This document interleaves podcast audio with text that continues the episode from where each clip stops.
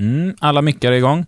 Jim, är du här? Jajamensan, jag är här. Sebastian? Ja. Mm, och jag är också här. Eh, dags för avsnitt två. Ja.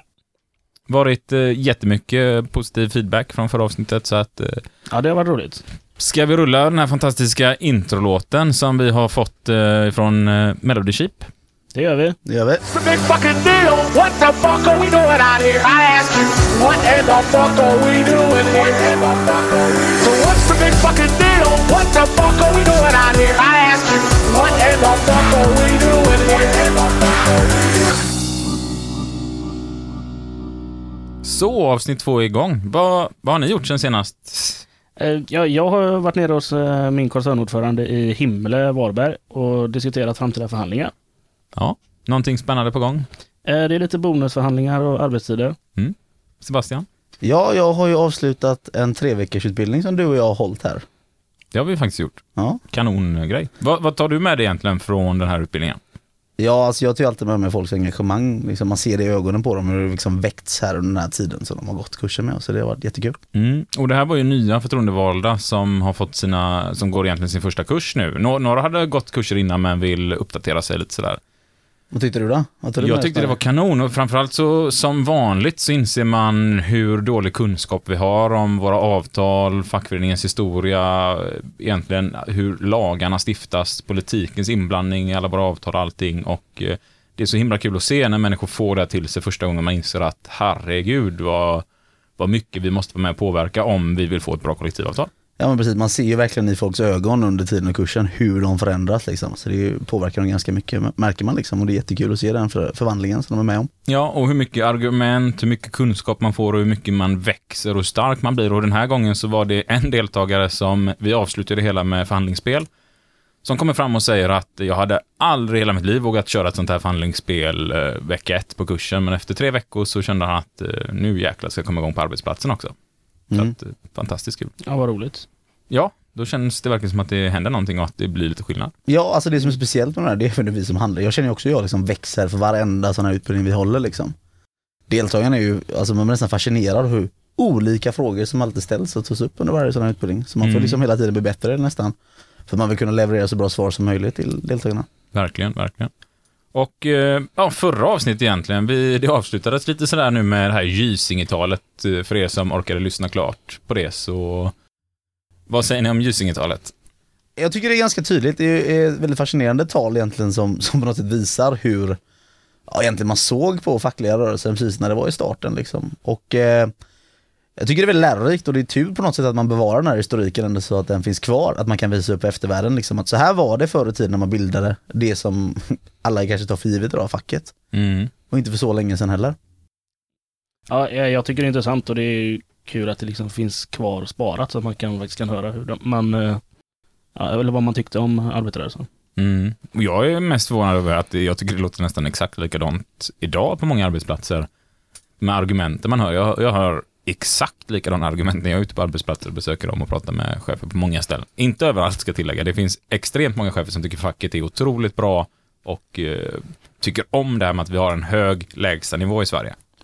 Ja men precis, alltså det, det, det, det är liksom på något sätt, diskussionerna finns ju kvar på exakt samma sätt men nu kanske man har fått en lite annan förståelse varför vi har det liksom. Och det är mycket bygger på okunskap. Det är samma sak som de deltagare man hade på kurs vecka ett, dag ett. Så var ju de kanske på samma ställe liksom. Men nu i slutet så förstår de ju vikten av det. Mm, mm. Ja, och egentligen vad slutar hela vår historia nu? Vad jag kan minnas här så, så börjar den eh, 10 000 år tillbaka i tiden. Snabbspolar vi väldigt långt fram. Vi är inne någonstans eh, slutet av 1800-talet så börjar vi engagera oss fackligt här uppe i Norden och eh, egentligen förhandla fram ett första kollektivavtal som egentligen bara reglerade att vi ska ha lön. Mm. Att det var en fast Och arbetsskyldighet egentligen. Ja. precis. och det här, eh, det här avtalet är ju samma avtal som ligger kvar idag. Och vad är det egentligen vi har fått in i de här avtalen idag? Det tänkte jag att vi skulle prata lite om i början av det här avsnittet. Mm. Vi har ju fått in lite tittarbrev eller lyssnarbrev sen sist också, så jag tänkte vi kan väl öppna e-posten här och eh, så tittar vi på dem. Och eh, det blir kul. Då har jag första e-posten här som kommer ifrån en, ja, namnet är lite otydligt här men Eh, ja, han skriver i alla fall Oj då, jag har aldrig varit så besviken. Jag trodde detta skulle vara en podcast om hur mycket vi hatar Jo. Ja, Staden? staden Jo. Ja. Ja, Eh, nej, det handlar den ju inte det om. är det ju inte riktigt. Nej. Eh, och jag, jag själv tycker inte det är något större fel på Jo. Jag har aldrig varit där så jag vet inte. Men Jag kände inte riktigt att jag heller varit i Jo Jag- jag har tillräckligt mycket för att starta en podcast om Jo. In, inget hat i alla fall. Nej. Eh, nej, men till dig kan vi väl bara säga att det finns kanske någon annan podd som tar upp det ämnet. Jag vet inte. Eh, tråkigt att höra. Jag läser nästa mejl här. Vi har fått in ett mejl härifrån Filip A och Jessica. Eh, hade varit kul att eh, höra andra röster beskriva hur, vilka ni är. Eh, det känns som att ni vinklar er själva. Och det kan vi väl göra. Absolut. Vi kan väl ta lite pålitliga personer som folk litar på. Ja. Mm. Jag har då gett mig ut med vår portabla studio här och eh, med mig här har Leif GW Persson. Eh, Leif, vad, hur skulle du beskriva Sebastian Borssén? Det verkar vara den där typen som har ersatt hjärnceller med ett rutigt papper. Då. Oj, det var ganska hårda ord, eh, men, men någonting positivt eh, måste du kunna säga om honom i alla fall. Eh, Han ligger högt upp på listan i, i en kategori av personer som inte har utmärkt sig i en positiv mening. Vi, vi har nog lite olika syn på vad som är positivt i så fall, men ja, det finns andra som har bra saker att säga om Eh, Med Sebastian. poliserna är det så att de tycker att det här är en tjatig och rörig jävel. Va? Polisen tycker det, att han är en tjatig och rörig jävel. Ja, ja det, det, det är han kanske i och för sig. Men eh, ja, jag tycker det här var lite väl hårt. Så jag tror vi får, vi får säga tack till dig så länge GW. Så tack. Jag vänder mig istället till dig, Göran Persson, eh, före detta statsminister i Sverige. Eh, Du har ju ganska bra kontakt med Jim Tellefsdal. Eh, Hur skulle du beskriva honom? Han sliter och jobbar hårt. Har i- i- heller ingenting gratis. Eh, jag har sett honom nu i funktion. Det är alltså sju år. Och jag tycker att han har blivit väldigt mycket säkrare. Och min uppfattning är att han har ett ganska stort mått av sunt förnuft. Ett rätt säkert omdöme. Sen äger han ju inte eh, språket på samma sätt som, som professionella politiker exempelvis att uttrycka sig och formulera sig. Men jag har faktiskt respekt för honom. Ja, ja. Tack för de orden. Alltså, nu börjar alla journalister komma här. Det var jättesnällt att du ville ställa upp på intervju Det är med ett oss. jobb som ska göras, det är ett uppdrag. Jag förväntas att den funktion jag har klara av den saken. Vi har ingått en kompromiss, nationell kompromiss. Ja, jo, det... Ja, men tack ändå. Det är jättesnällt. Tack. Ja, nu står jag istället här med drottning Silvia. Hej Silvia! Eh, vi har ju träffats någon gång innan och ja, vad, vad kan du säga om mig? Ja, när jag var liten då hade jag en apa. Och apan heter Mickey.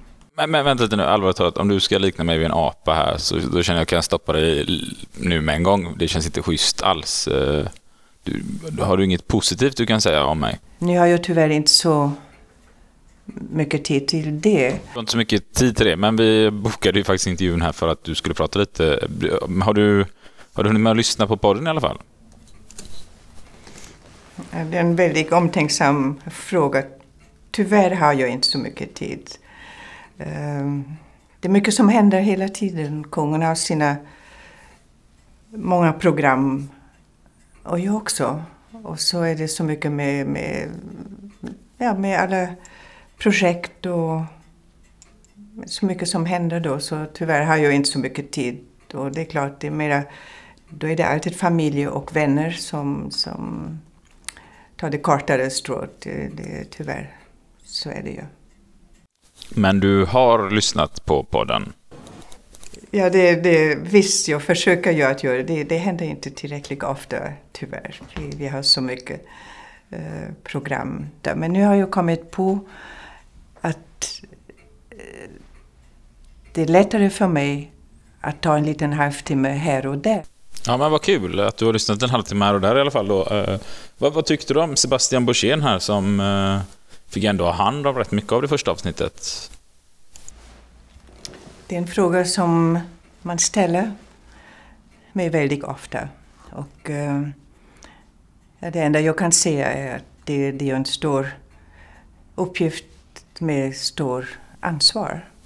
Ja, men det är det verkligen. Men eh, ja, inget mer du vill säga om det då? Jim Tellefsdal då, hur upplevde du honom här i första avsnittet? Han, han var kul, han var väldigt rolig och eh, väldigt ofta undrade jag, är han egentligen människa eller är han en apa? Ja, men alltså, allvarligt talat, så det enda fina du kan säga om oss, det är att vi är apor liksom. Typ. ja. Ja, jag, jag vet inte vad jag ska säga mer. Jag tycker vi avslutar den här eh, ja, intervjun och så hoppas jag, jag hoppas du ångrar dig lite för det här du har sagt. Alltså. Nej, jag ångrar mig inte. Nej, eh, ja. Ja, eh, gott folk. Det var... eh, Ja, det var det. Det kan ju varit en gnutta satir här kanske. Men har du någon seriös fråga att skicka till oss så mejla till fuckyoupodcast at gmail.com. Man kan också skriva på Facebook och Instagram. Men vi har faktiskt fått in lite frågor här om semester också och eh, anställningsskydd och sådär. Men nästa avsnitt tror jag vi, vi viger hela nästa avsnitt, ett specialavsnitt om semester just. Vad tror ni om det? Mm, Det låter toppen. Det känns som att det är där flest frågor har kommit in hittills. Mm. Mm. Då går vi vidare. Ja, nej men förra avsnittet eh, avslutades ju med att vi pratade om historiken kring fackföreningsrörelsen. Men bara för att bygga på lite det här med historiken liksom, för att det är ju så att vi, vi avslutar egentligen när man tecknade de första avtalen för att få till liksom någon form av lägsta nivå eller att få någon form av inflytande av arbetsplatsen. Så tecknar man ju det som kallas kollektivavtal och det avtalet är ju fortfarande kvar idag egentligen på arbetsplatserna. Det är bara att vi har utvecklat dem hela tiden. Och eh, för att egentligen bygga på lite, vi kan ju bara ta lite, vad, vad, vad finns det som exempel i avtalen som, som folk kan känna till än idag. Liksom, att det är någonting som facket har skaffat, det är ingen lag, utan det är någonting som vi har utvecklats genom, ja egentligen en ganska lång kamp som vi har drivit liksom, på arbetsplatser och opinionsbildning i samhället. Mm, det första är ju fredsplikt. Kommer ju arbetsgivaren i alla fall vilja ha på plats. Mest sannolikt. Ja. Annars har ni fått till ett väldigt bra avtal som talar om att ni får fortsätta strejka fast ni har fått igenom allt ni vill. Eh, och då är det all eloge till er. Skicka gärna det avtalet till mig. det har varit toppen. Ja, men, men i övrigt är ju en mängd olika saker. Allt det vi var inne på. Hur ska arbetstiderna se ut där du jobbar? Eh, vilka skiftformer finns det? På vilket sätt är man anställd? När får man ut sin lön? Hur mycket får man ut i lön? Vad man har för försäkringar eller eh, dylikt runt omkring. Ja, pension. Och i många avtal idag har ju arbetstidsförkortning, exempelvis komptid eller liknande, eller deltidspension eller extra semesterdagar har man ju inom många branscher också. Mm. Och allt det här bygger ju på att man på något sätt har sett det här behovet att vi som arbetar, vi, vi vill ha de här extra villkoren liksom när vi ska arbeta och utföra vissa arbeten inom en specifik bransch. Det är lite tips till dig som lyssnar. Du får gärna skicka in om du har ett kollektivavtal eh, till oss. Vi samlar gärna på dem. Det är ganska intressant att kunna eh, läsa och jämföra och kanske ta det som en diskussion här i podden någon gång. Mm. De jämför lite avtal. Absolut.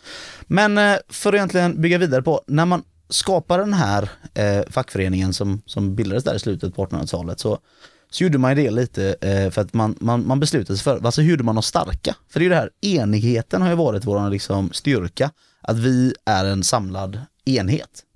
Mm. Och det behövdes någonting för att verkligen eh, hålla ihop. Ja precis, alltså vi testade att vara ganska liksom, på eget hörn och försöka få fram bättre villkor men det gick ju inte så bra liksom, utan vi ställdes ju som sagt emot varandra egentligen i mångt och mycket i lönefrågor, få behålla jobbet och bostäder, det kunde vara alla möjliga förmåner för att man inte skulle på något sätt engagera sig. Men någonstans satte man sig ner och egentligen ja, beslutade sig för att man, man samlas under de här reglerna. Vi lovar och försäkrar att aldrig någonsin under några omständigheter arbeta på lägre lön eller till sämre villkor än det vi nu lovar varandra. Vi lovar varandra detta i den djupa insikten om om vi alla håller detta löfte så måste arbetsgivaren uppfylla våra krav. Och det är ju det fackliga löftet. Ja. Och det var egentligen så man, man eh, enades och det var det här som var liksom vårt löfte till varandra. Att vi inte ska liksom eh, eh, strejkbryta eller arbeta till lägre lön. Att vi ska stå emot, liksom, vi ska stå samlade tillsammans liksom. Att om vi gör det här nu så, så måste ju chefen uppfylla våra krav. Och framförallt så handlar det ju en hel del om att eh, få alla att inse att eh, de här orden arbetsgivare, arbetstagare, det är ganska laddade ord och det är ju inte så att någon ger dig ett arbete utan du säljer ju din tid. Du säljer ditt arbete, du säljer din tid.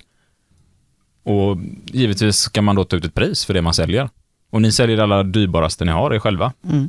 Och jag har hört eh, flertalet sådana här eh, föreläsare som föreläser om inspiration och allt möjligt dra ett sånt där exempel där de säger så här att det kommer en väldigt, väldigt rik, rik person till dig Sebastian och säger att eh, du, jag, jag samlar på ögon. Jag skulle vilja köpa dina ögon. Hur, hur mycket ska du ha för dem? Nej, de är inte till salu. Ja men eh, 20 miljoner kronor. Nej, de är fortfarande inte till salu. 250 miljoner kronor.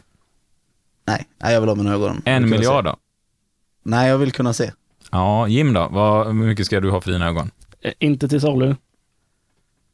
Ganska ovärdeliga är ni då helt enkelt. Ni kan inte ens tänka er att sälja en liten, liten, liten kroppsdel för en miljard. En väldigt viktig kroppsdel. En väldigt viktig ni. Mm. Och det är väl lite det här man ville komma till också, att vi som säljer vårt arbete, vi ska ta skäligt betalt för det. Vi, vi liksom, det är det dyrbaraste vi har. Vi lägger en stor del av hela vårt liv på att arbeta. Och det är klart att vi ska ta betalt för det. Det Absolut. finns inte ett företag i hela världen som hade bjudit bort sina produkter. Då konstaterar vi att vi är ganska värdefulla och vi borde ta ut ett bra pris och det priset reglerar vi i våra kollektivavtal. Och pris i det här fallet är ju inte bara då pengar som sagt, utan det är semester, ledigheter, deltidspensioner och allt däremellan. Nu ska vi lite beskriva då, hur får vi det här kollektivavtalet så bra som möjligt för oss som arbetar? Hur får vi det riktigt starkt och eh, konkurrenskraftigt?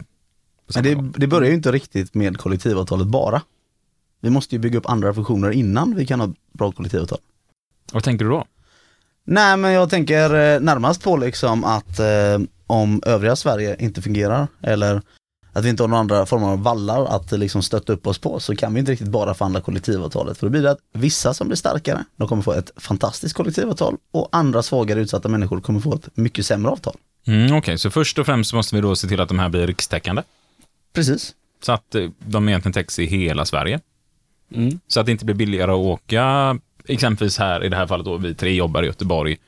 Eh, ja, men då åker vi bara till Kungälvsgränsen eller Kungsbackagränsen och där kan vi dumpa löner och priser och allting. Mm. För då hade inte vi kunnat ta de priserna. Nej, precis. Och så var det ju förr i tiden, får man faktiskt inte glömma, att det fanns ju olika lönekategorier för vart i Sverige man bodde. Ja, just egentligen delat upp eh, lönerna i olika kategorier. Ja, men så ser det ut i, i det kollektivavtalet jag jobbar på. Om jag tittar på de avtalen som kom under 30-40-talet, då ser det ut så att då har man en lön i Stockholm, man har en i Göteborg, en i Malmö och så en lön som gäller för övriga landet. Mm. Men eh, nu har vi då fått till i alla fall de här rikstäckande kollektivavtalen, det vill säga att de gäller i hela landet, inom en hel bransch.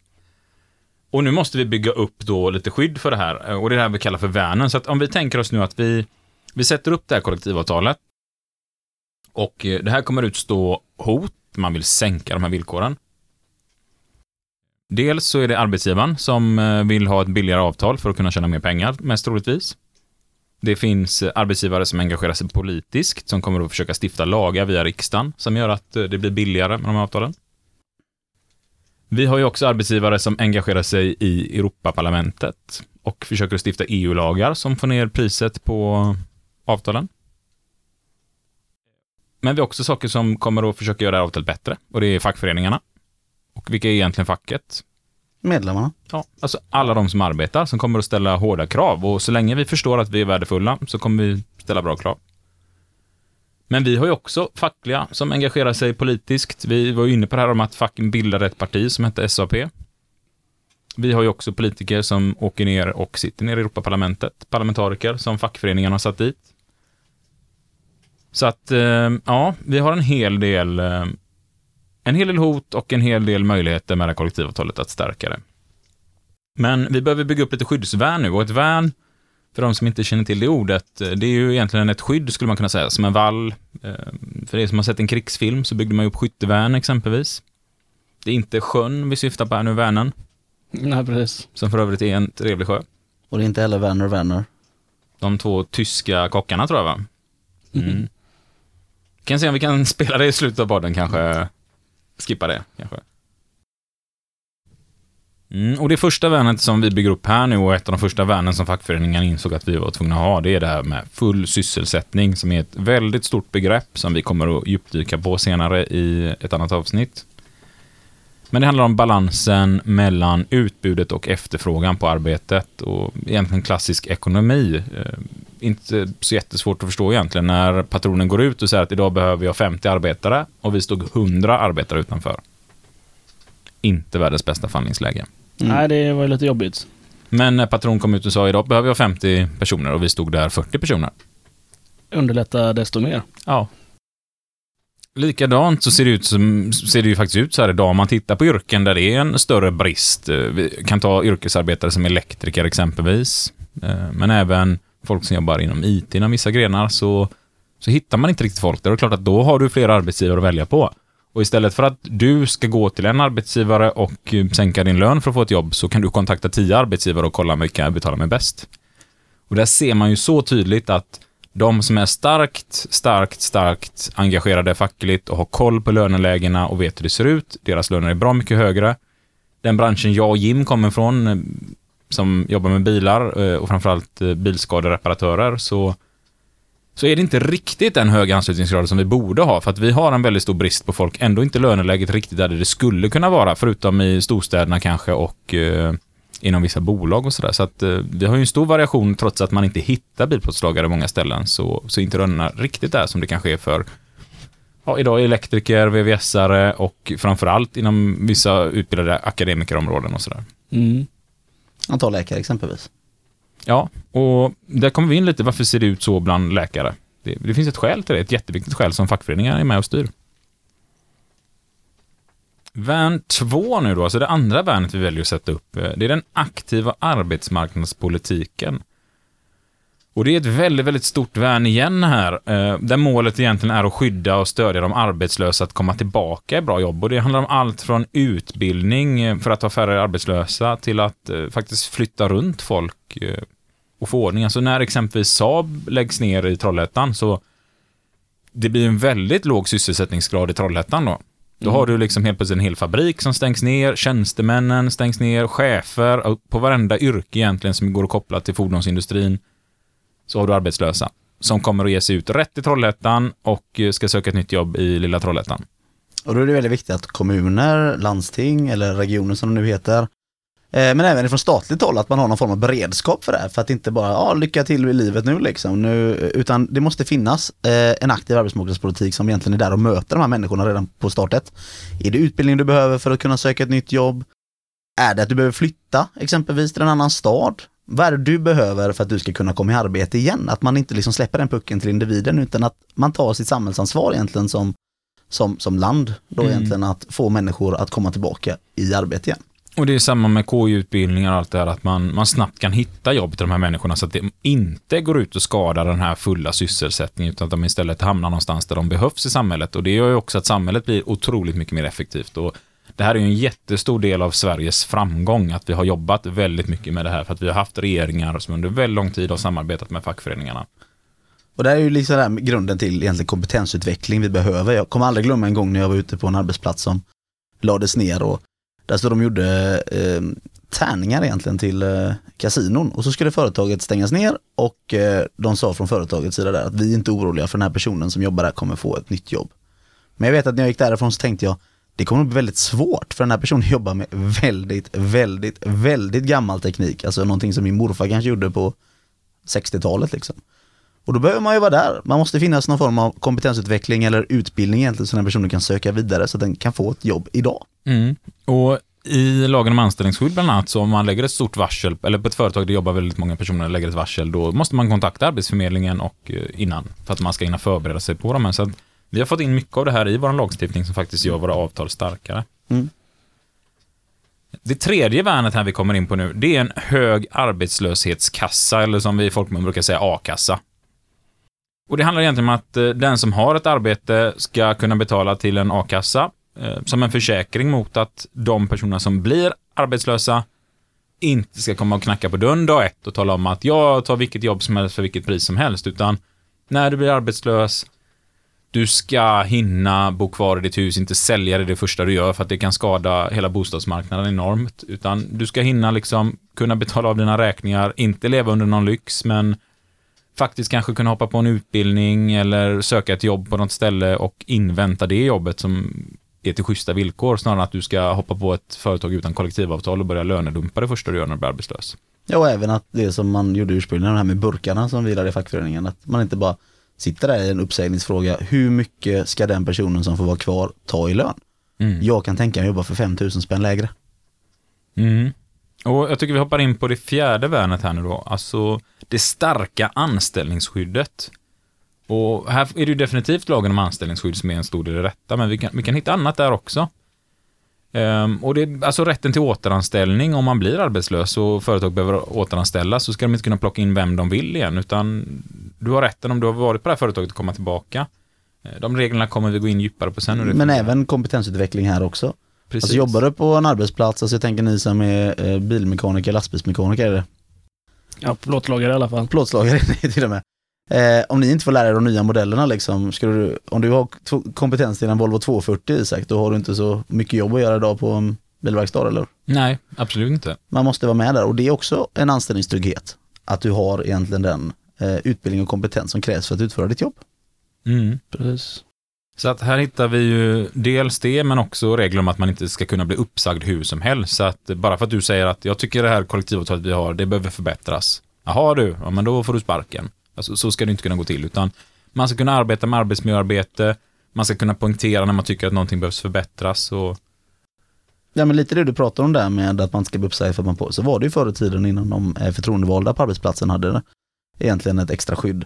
Att de inte ska bli av med sitt jobb. Då fick de ju sparken stup i kvarten. Din farfar fick sparken ganska ofta. Min farfar var fackligt engagerad innan de här lagarna kom som skyddade de fackliga och han fick sparken ibland en gång i månaden men då la ju kollegorna ner och jobba och sa att vi jobbar inte förrän han är tillbaka så att väldigt snabbt fick han jobbet tillbaka. Det kunde ske på tio minuter att han fick sitt jobb tillbaka men de här historierna hör man från många ställen och bland annat en gammal ombudsman till oss där samma grej när han var ute och förhandlade på sitt företag så sa de tack och hej du kan gå hem nu och då gick han in och satte sig i omklädningsrummet och då stannade fabriken och eh, absolut kom chefen inspringande tillbaka så då var jobbet tillbaka.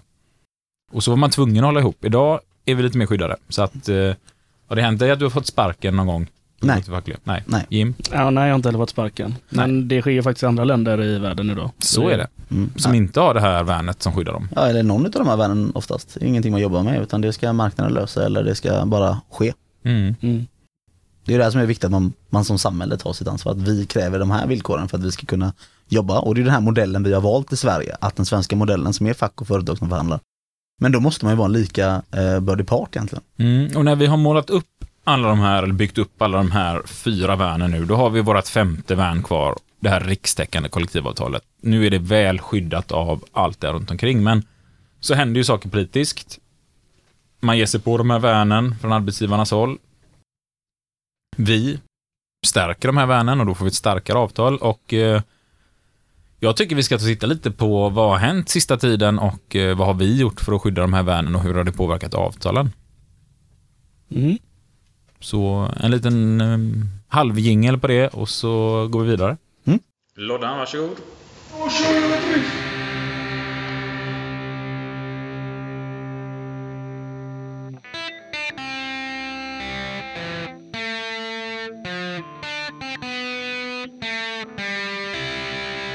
Så under den här jingeln gick igång så har vi satt på oss lite schyssta skyddskläder här och tagit med storsläggorna för nu ska vi riva lite vän. Yes.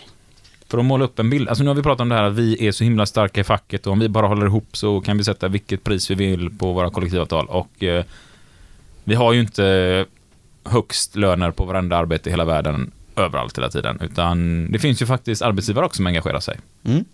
Alltså lika mycket som vi engagerar oss i LO eller i TCO om du är tjänsteman eller SACO om du är akademiker. Så engagerar sig arbetsgivarna i Svenskt Näringsliv som är liksom deras centralorganisation och de jobbar ju väldigt mycket med opinionsbildning och politik liksom för att få igenom andra förändringar om man inte får det i kollektivavtalet. Mm. Och vi kan väl ta och titta lite här på, om vi börjar med det första värnet här, alltså den här fulla sysselsättningen, där fackföreningarna då har gjort eh, vad de kan politiskt för att försöka bygga upp så att sysselsättningsgraden är så hög det bara går. Eh, vilket betyder att eh, är man sjuk ska man vara sjukskriven. Är man eh, inte myndig ska man gå i skolan. Går man en utbildning så ska man kunna ha studiemedel för att slippa behöva jobba extra under tiden man går den här utbildningen. Är du förälder får du föräldraledigt och inte bli av med jobbet som det var förr i tiden. När Ja. du blev förälder så fick När man du sparken. Pensionär är ju tanken att man ska ha en så hög pension som möjligt så att man inte ska behöva gå hemma. Jo, man ska gå hemma. Man ska vara hemma med pensionär. Där sa jag fel. Det är klart man ska gå hemma när man är pensionär. Ehm, om man är pensionär så ska man vara hemma med en bra pension så att man klarar sig och inte behöver gå tillbaka och arbeta. Ja. Och eh, om vi tar och tittar då lite politiskt på vad som har hänt och så vi går tillbaka till det här, för det blev ju ganska talande blev det ju faktiskt när nya alliansen, eh, eller nya moderaterna i spetsen och alliansen eh, började göra lite förändringar under eh, 2006 egentligen startade. Mm, mellan 26 och 10 kan man säga. Ja. Sen kommer det in en ny spelare på den här planen, det är Sverigedemokraterna som kommer in mellan 2010 och 2014. Och under den här perioden så händer väldigt mycket och det är ju inte konstigt. För att vilka personer är det som har engagerat sig, precis som fackföreningen startade SAP, som idag kallas för Socialdemokraterna, så hade ju arbetsgivarna sina organisationer de och eh, mest vanligt så var man ju med då i Moderaterna, eh, det kan vi kanske idag kalla Kristdemokraterna. Centerpartiet har blivit ett parti där många arbetsgivare engagerar sig. Eh, Liberalerna någonstans mitt emellan här, Folkpartiet, eh, de har inte varit på båda sidor kan man säga. Mm. Och, Det är en ganska vanlig diskussion där att facket och, och, och sossarna är liksom en, en enhet. Men, men det är ju inte bara så, eller hur?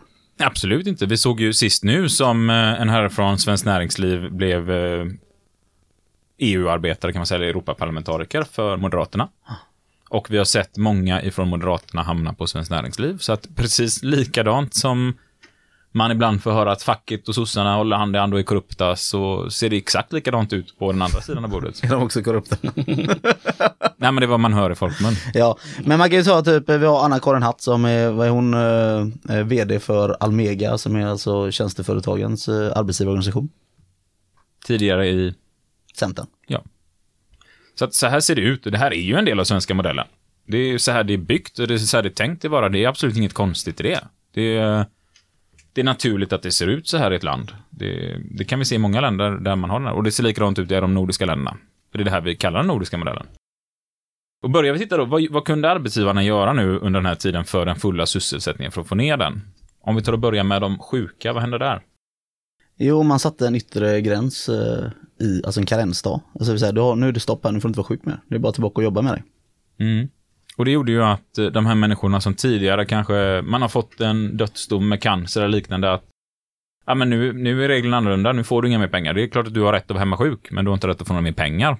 Utan det är ut på arbetsmarknaden. Och det är klart att då blir det en person till som söker ett jobb. Och eh, står vi där hos patron, han behöver 50 stycken idag, vi är 49, ja men då är vi 50 nu. Och det man faktiskt gjorde här var ju att man, eh, när man är sjukskriven, gjorde, man införde en bortre tidsgräns som gjorde att man inte kunde få sjukersättning för längre än en viss tid. Så det spelar ingen roll hur sjuk du är. Och sen så sänkte man ju även nivån på hur mycket man kan få sjukersättning ganska rejält. Och dessutom, istället för att få 80% så fick man nu 77,6% av den här nivån. Mm, och det tänker ju inte alla på. Alla tror alltid att man får 80% av lönen när man är sjuk. Men så är det ju inte, utan det är ju 77,6%. Det är en sån sänkning med 2,4%. Ja, och taket var ju tidigare då 37 916 kronor, 2018 års pengen, penningvärde och eh, är nu 28 437 kronor. Och det här var ju en sån sak där vi tappade dels ersättning när vi blev sjuka, så att många fackförbund har ju valt att teckna och förhandla in försäkringar i löneutrymmet och istället teckna in extra försäkringar när vi blir sjuka. Bland annat har väldigt stora delar en AGS-försäkring där man får 12,5% extra inkomst om man är sjuk. Men det gjorde ju också att en hel del sjuka människor var tvungna att komma ut på arbetsmarknaden. Människor som kanske inte längre hade ett jobb kvar, utan helt plötsligt skulle de knacka dörr för att få ett nytt jobb. Sjuka. Och eh, står man där med en jättetrasig rygg eller en cancersjukdom och talar om att jag är 55 år gammal och eh, kan knappt jobba med något, men jag behöver ett jobb. Ja, det blir svårt. Då är det svårt att förhandla upp lönen. Och då blir det en lönedumpningseffekt på oss. Ja, det värsta eh, exemplet jag någonsin har hört, det var en, en kvinna som eh, läkaren sa att hon är så sjuk så hon kan inte knäppa sina eh, byxor egentligen, arbetsparalleller. De är, hon är för dålig för det. Men eh, då sa de, kan väl en kollega åt dig? Mm. Det var hennes svar. Så fick hon gå tillbaka i jobbet. Ja, det är helt sjukt. Mm. Var det någonting annat de gjorde för att egentligen slå hål på det här med full sysselsättning? Ja, men alltså vi har ju två saker som kommer att påverka jättemycket och det är ju dels det som kommer att kalla Lex Laval, som vi kommer att gå igenom, och eh, sen var det också arbetskraftsinvandringen.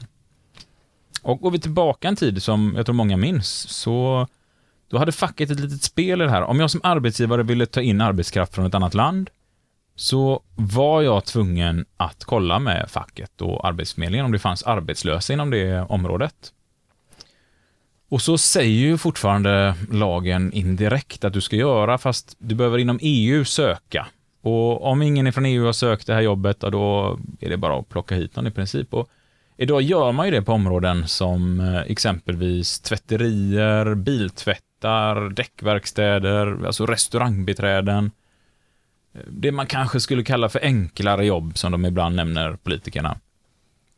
Ehm, och det är jobb som faktiskt, eh, många av de som kanske kommit hit som flyktingar, skulle kunna arbeta med ganska snabbt. När man kommer in till Sverige, snabbt få ett sånt jobb.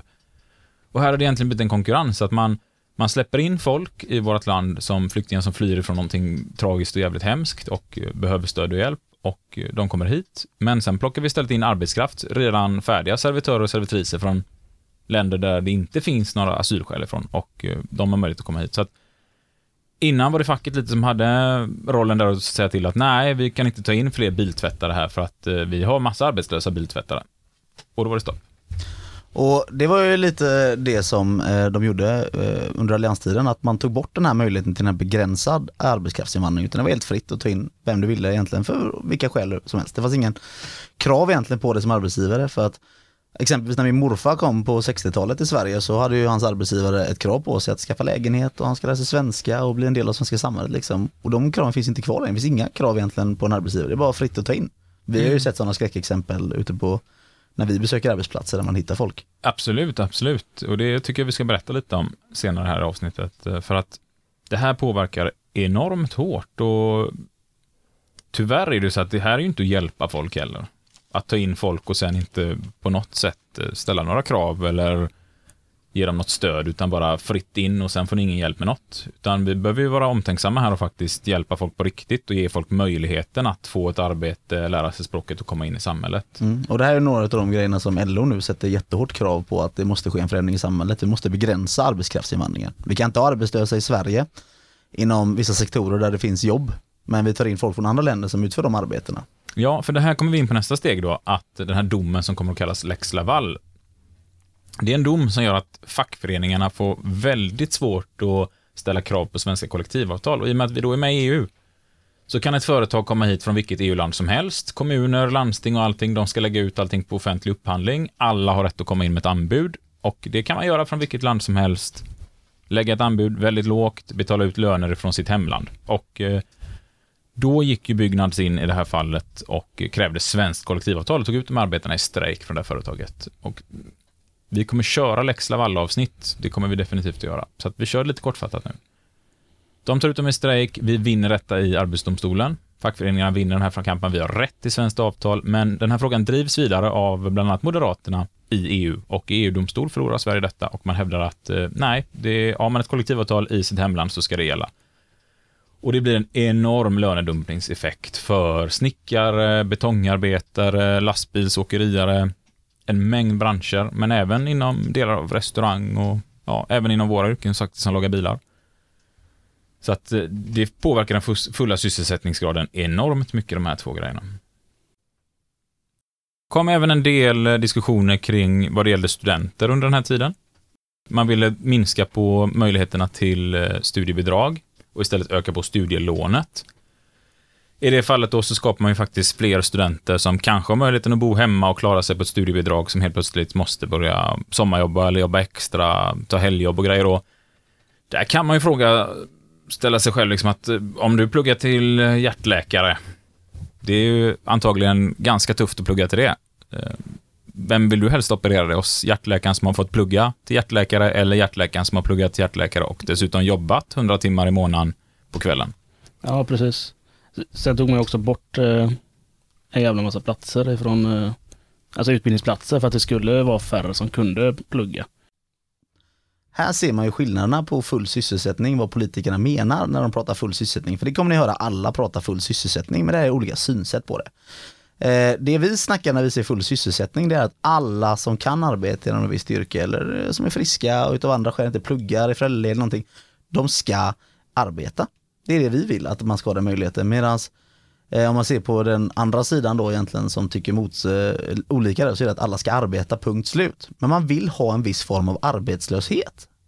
Det är det många faktiskt glömmer av. På andra sidan vill man ha en viss form av arbetslöshet för det sätter också att inte jag kan gå till nästa arbetsplats och säga hej vad erbjuder du för lön? Jag tjänar 25 000 här borta. Ja, jag erbjuder 30 000. Perfekt, då börjar jag ju självklart där.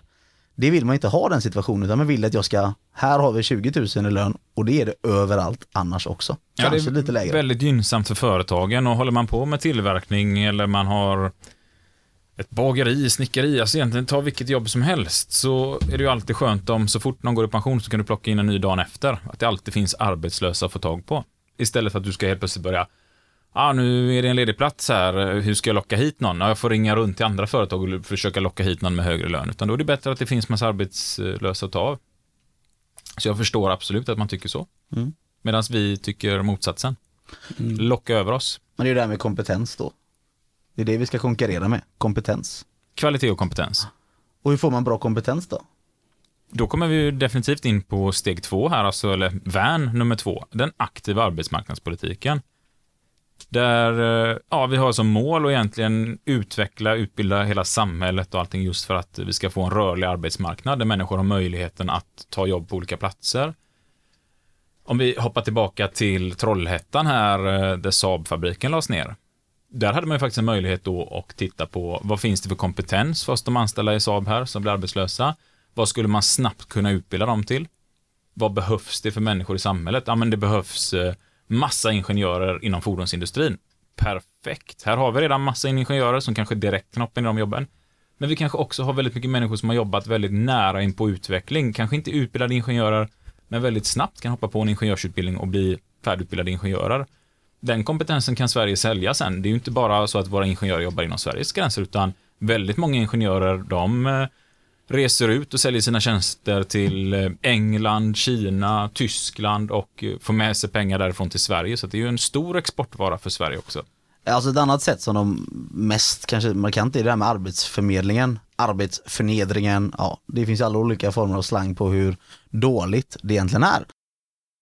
Man kan ju också börja väldigt simpel grej, att folk ska inte tro på det här med arbetsförmedling. Arbetsförmedling ska vara värdelös egentligen. Det, du ska gå dit och lära dig skriva CV och det är väl typ nästan där man hamnar. Det går knappt att förmedla några jobb där.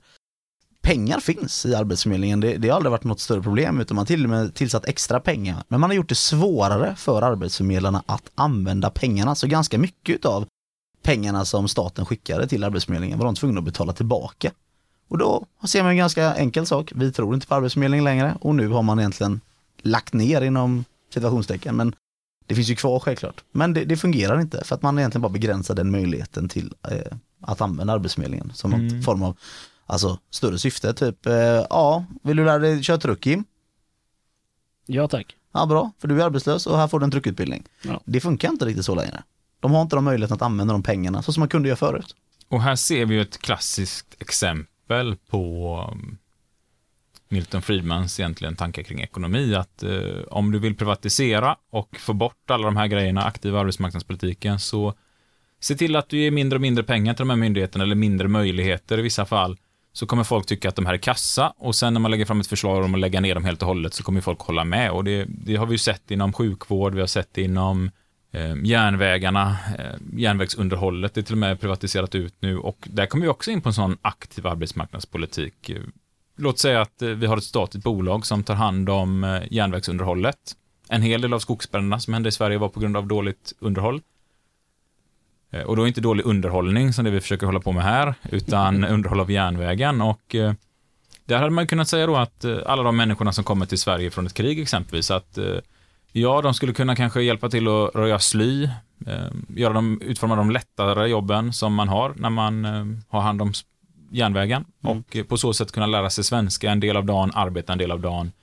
Och det här är möjligt att vi kan göra om politikerna är med och beslutar om de här men man, arbetsmarknadsåtgärderna. man kan väl säga så här, i stadsdelen där du kommer från Isak, vad, vad kostar det att klippa sig där?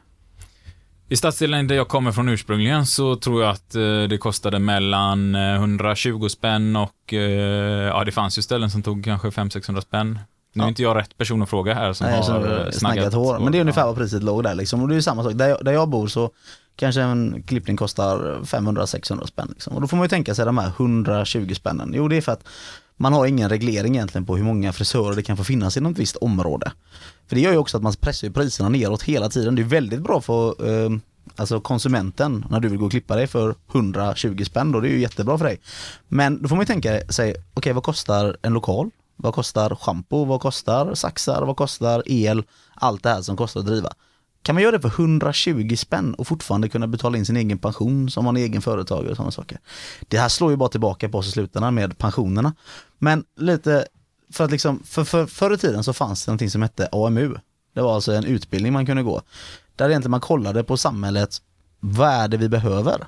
Ja, nu har vi arbetslösa, eller vi har inga undersköterskor i samhället. Perfekt. Då får du eh, gå en utbildning till att bli undersköterska. Ja, vi behöver massa bilmekaniker. Ja men perfekt, då får du gå en utbildning och bli bilmekaniker. Då, på så sätt reglerade man det, för det var en aktiv arbetsmarknadspolitik på den tiden. Jag håller ju själv på med arbetsmarknadspolitik i Göteborgs stad liksom. Och här kollar man ju också på bristyrken. Vad är det vi i Göteborgs stad ser för framtiden att vi behöver?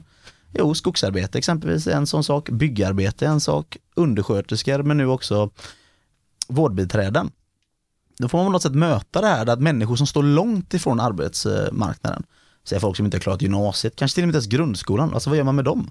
Jo, där får ju politiken engagera sig för att kunna vara med och påverka och förändra så att vi får in de här människorna i arbete. För det behöver ju givetvis inte vara fel med privata aktörer, men någonstans kanske man också ska tänka på, om jag är en privat aktör som har hand om yrkesutbildningar, var kan jag tjäna stålar? Var är det lätt att få pengar? Och eh, det är bra mycket lättare att dra igång en utbildning där man utbildar kanske en frisör eller en bagare eller någonting än en eh, ingenjörsskola där du ska köpa in ett CAD-program för ett par hundratusen, en avancerad dator som klarar in det till varje elev. Eh, och där har man lite sett att när vi privatiserar ut det här så, ja, det finns massa frisörskolor, det finns massa massageskolor, alltså yrken där man kanske inte riktigt behöver samma insatser innan. Det är lite lättare att komma igång och det frågan är, vad hade hänt om vi utbildar hela Saab Trollhättan till frisörer? Ja, det blir antagligen väldigt billigt att klippa håret i Trollhättan. Mm.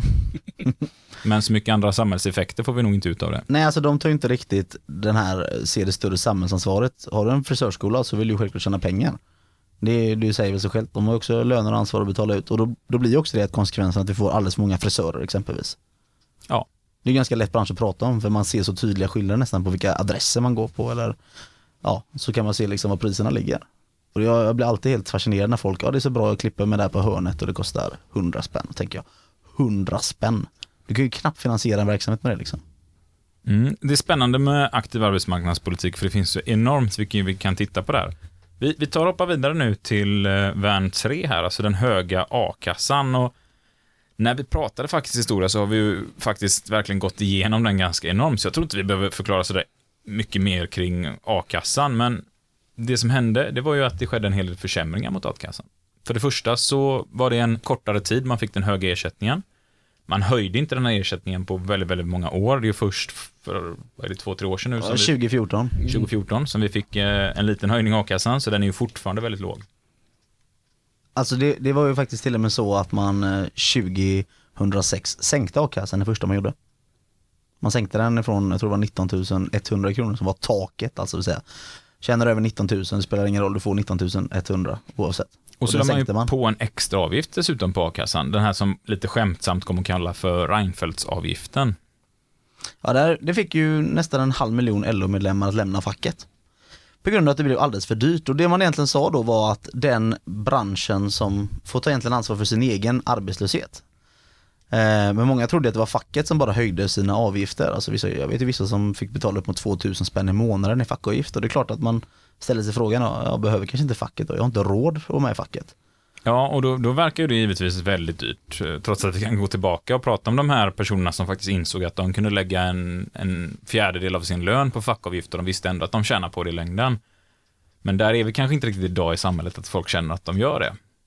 Eh, Men i det här fallet var det inte fackavgiften, utan många fackförbund sänkte till och med sina fackavgifter för att kompensera för den här tvångshöjningen i a-kassan. Mm. Och vad händer om det kostar 2000 spänn och du inte är med i a-kassan? Det är ju inte värt för dig att vara med i a-kassan då. Och vad händer när du blir arbetslös? Har du någon form av trygghet? Nej, då påverkar det dessutom den fulla sysselsättningen. Mm. Så det är ju återigen ett slag, det är ju så simpelt att egentligen förstöra svensk arbetsmarknad om man verkligen vill. Ja. Och låt oss då ta och hoppa in i det fjärde värnet här, det starka anställningsskyddet. Där har vi ju hört hur mycket diskussioner som helst och det pågår just nu stora diskussioner om lagen om anställningsskydd. Eh, exempelvis, eh, ja, vad betyder kompetens? Kan man avskeda någon på grund av låg kompetens bara hur som helst om man inte har utbildat personerna eller sett till att de får sin utveckling? Eh, ska man kunna avsluta någons anställning på grund av ålder eller på grund av facklig tillhörighet? Och...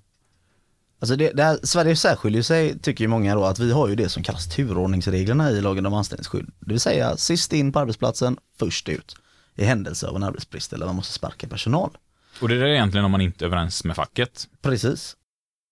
Och då säger man att det är så svårt att sparka folk i Sverige. Det var ju ganska simpelt. Vi kommer prata ganska mycket mer om LAS, eh, men, eh, men om man kollar på lagen om anställningsskydd då, förkortat LAS, så är det faktiskt så att arbetsgivaren bestämmer helt själv när det är arbetsbrist på en arbetsplats och bestämmer helt själv hur många som ska gå. Så hur svårt är det egentligen att sparka någon i Sverige? Det enda vi har egentligen som särskiljer sig är att vi har turordningsreglerna och det är de här sist in, först ut. Och det tycker man liksom är horribelt ifrån eh, egentligen Svenskt Näringsliv då och säger att eh, det här är det värsta som finns, det är ett eh, sånt så hårt slag och det är så svårt att säga upp folk. Jag tycker inte alls det är svårt att säga upp folk i Sverige. Alltså åker du ner till, tror det är Italien, om du sparkar någon över 55 år så måste du betala dem fem årslöner. Där är det svårt att sparka någon. Tyskland tror jag det är tre årslöner över 50. Ja, och tidningen Forbes, är den ekonomiska tidningen från USA, de satte ju faktiskt Sverige som det bästa landet i hela världen att driva företag i, just på grund av LAS-reglerna bland annat. Eh, men också till stor del för den svenska modellen, för man vet vad man har att göra med. Man vet att politikerna kan inte bara gå in nästa år och förändra hela arbetsmarknaden, utan det är ju vårt kollektivavtal som styr mycket. Eh, och det tycker jag är intressant, för det pratar vi inte så ofta om i Sverige.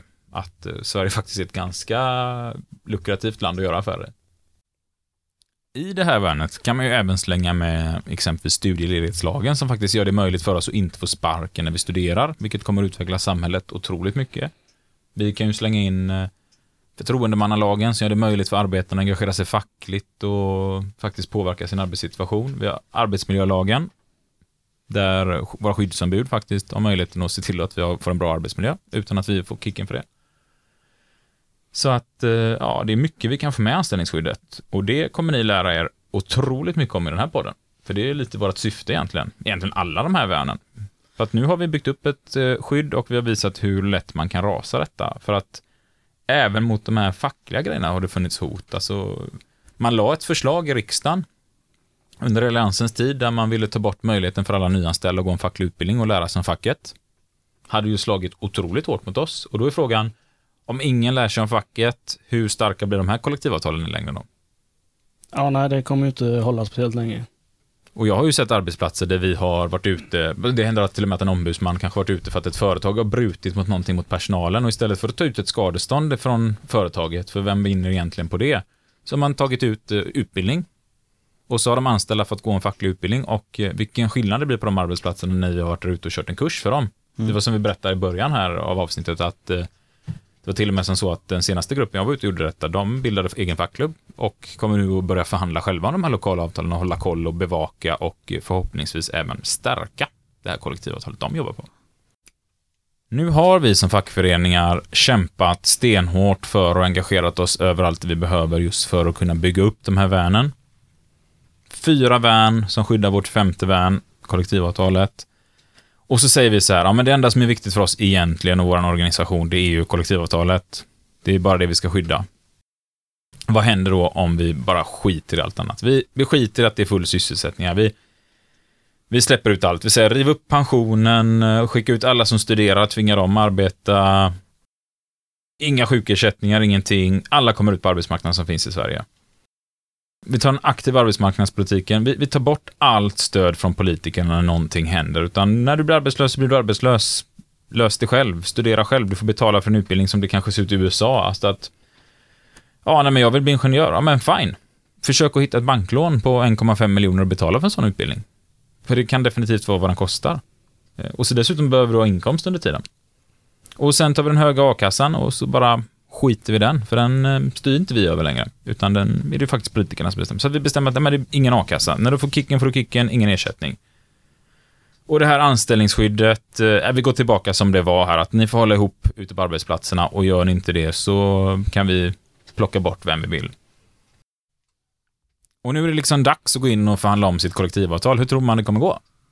Alltså, tror man på allvar riktigt själv att jag kan gå in, vi har 20% arbetslösa i landet och kräva mer i lön för mitt arbete? Varför skulle inte arbetsgivaren hellre bara ta in någon av de här arbetslösa och köra dem på halva lönen och lära upp dem?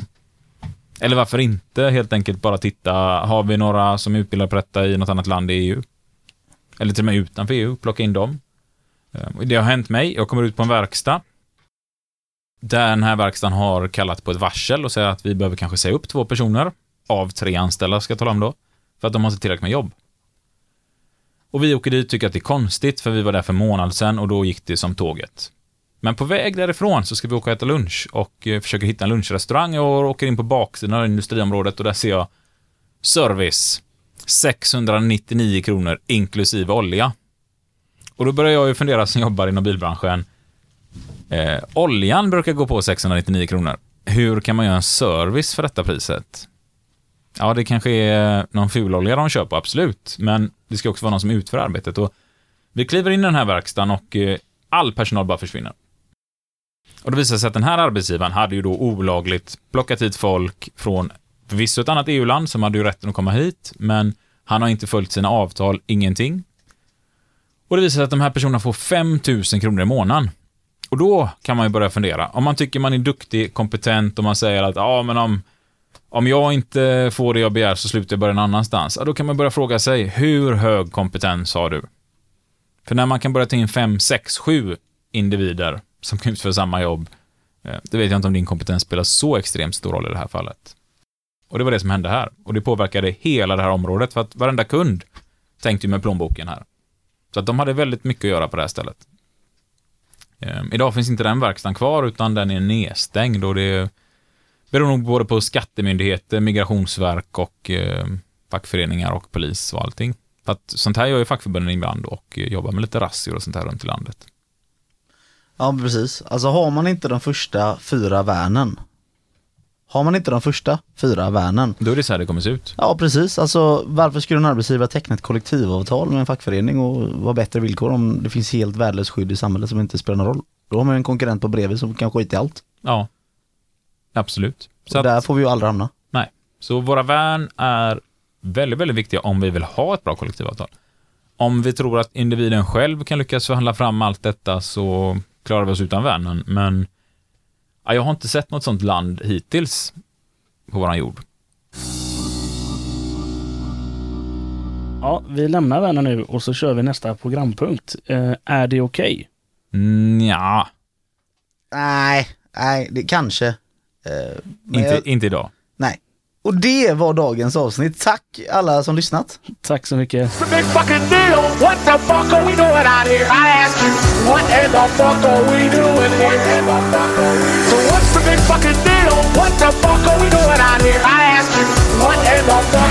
doing here?